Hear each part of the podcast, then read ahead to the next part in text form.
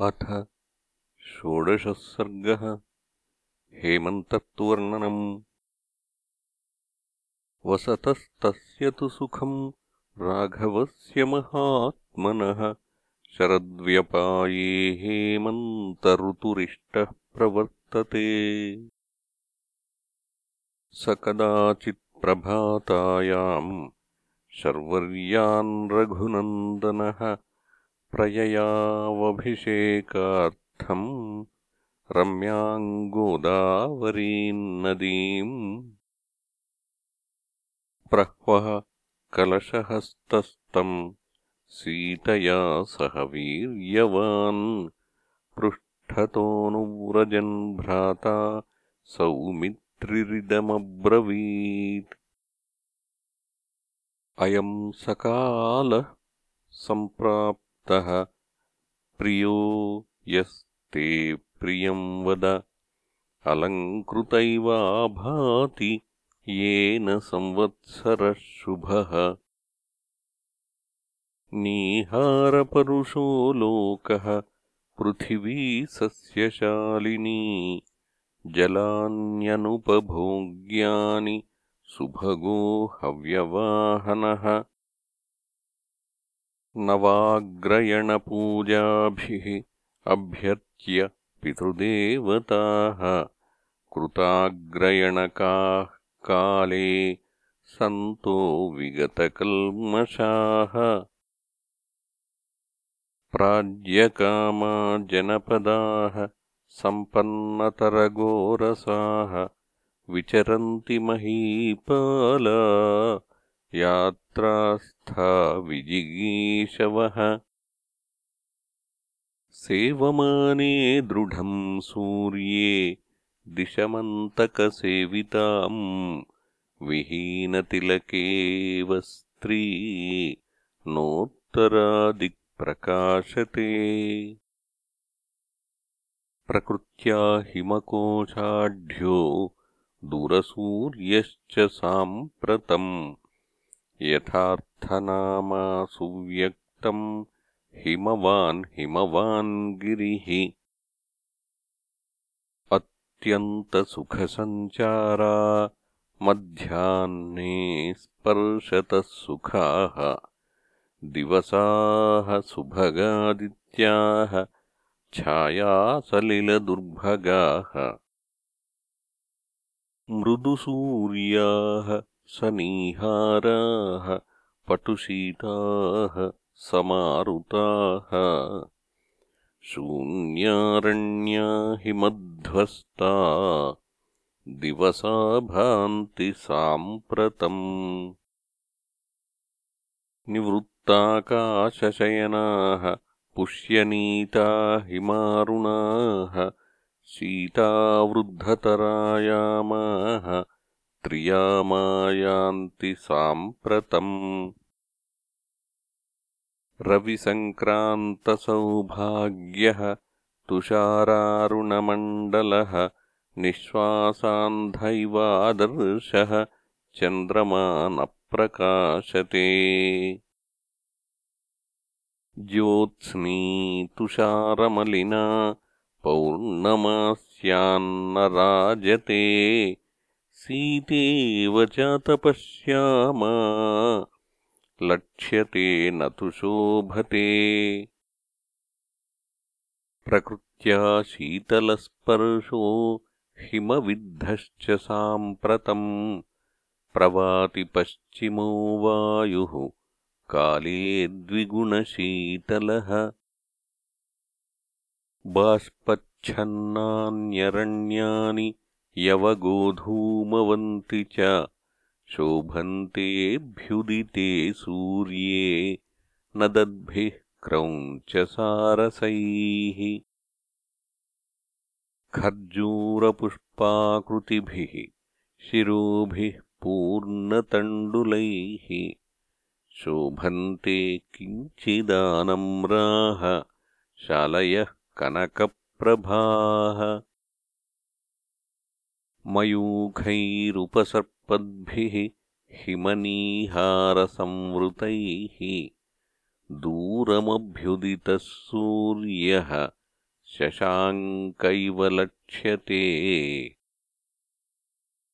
अग्राह्यवीर्यः पूर्वाह्णे मध्याह्ने स्पर्शतः सुखः संरक्तः किञ्चिदापाण्डुः आतपः शोभतेक्षितौ अवश्यायनिपातेन किञ्चित्प्रक्लिन्नशाद्वला वनानाम् शोभते भूमिः निविष्टतरुणातपा।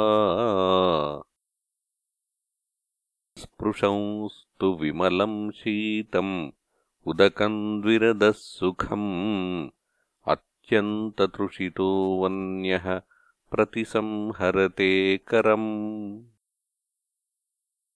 एते हि समुपासीना विहगा जलचारिणः न विगाहन्ति सलिलम् अप्रगल्भायिवाहवम्। अवश्यायतमोनद्धा नीहारतमसावृताः प्रसुप्ता इव लक्ष्यन्ते विपुष्पावनराजयः।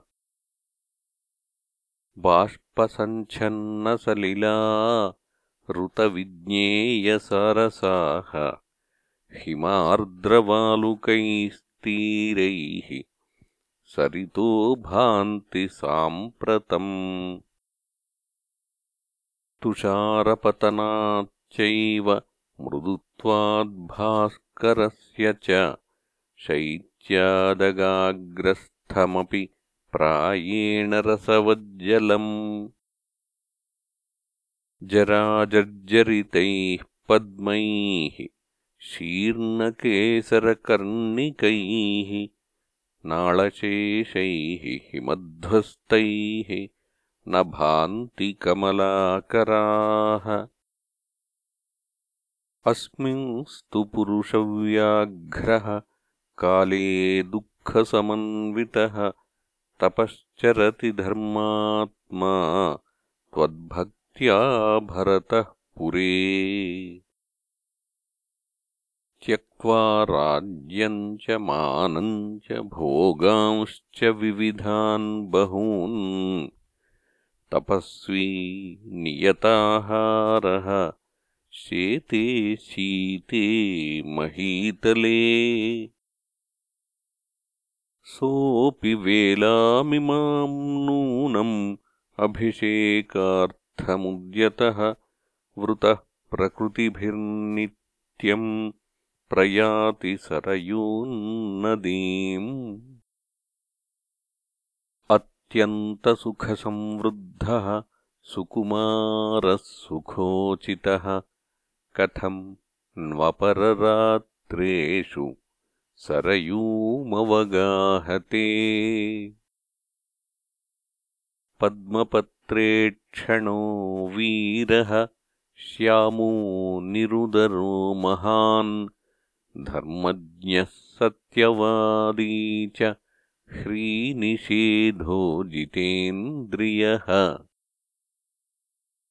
प्रियाभिभाषी मधुरो दीर्घबाहुररिन्दमः सन्त्यद्यविविधान् भोगान् आर्यम् सर्वात्मनाश्रितः।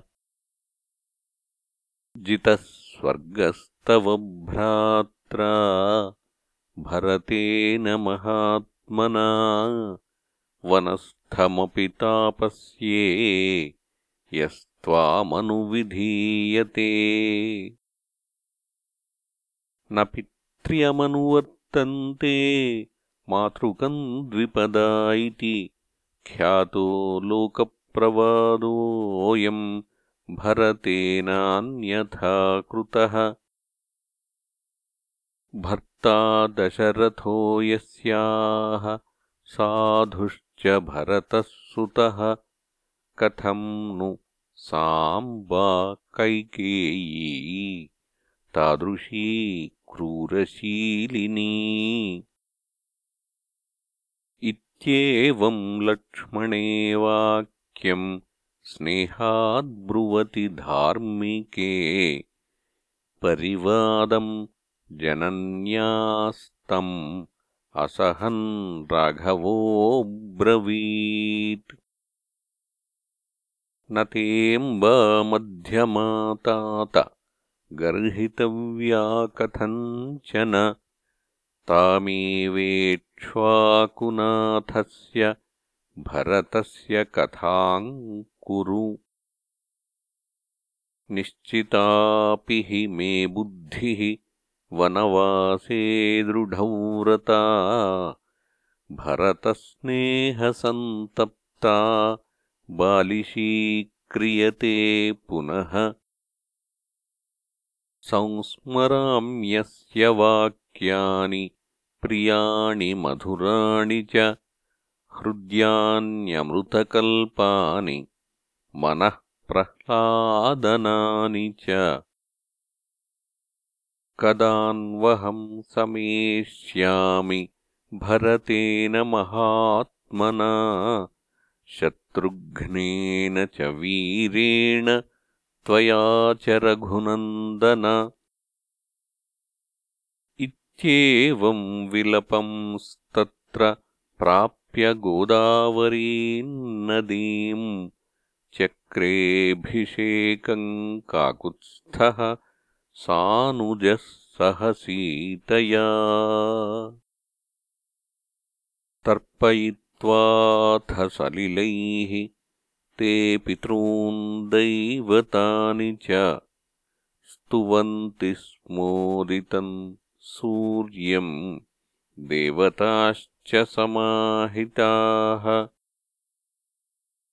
कृताभिषेकः सरराजरामः सीताद्वितीयः सह लक्ष्मणेन कृताभिषेको गिरिराजपुत्र्या रुद्रः सनन्दी भगवानिवेशः। इत्यार्षे श्रीमद् रामायणे वाल्मीकीये आदिकाव्ये अरण्यकाण्डे षोडशः सर्गः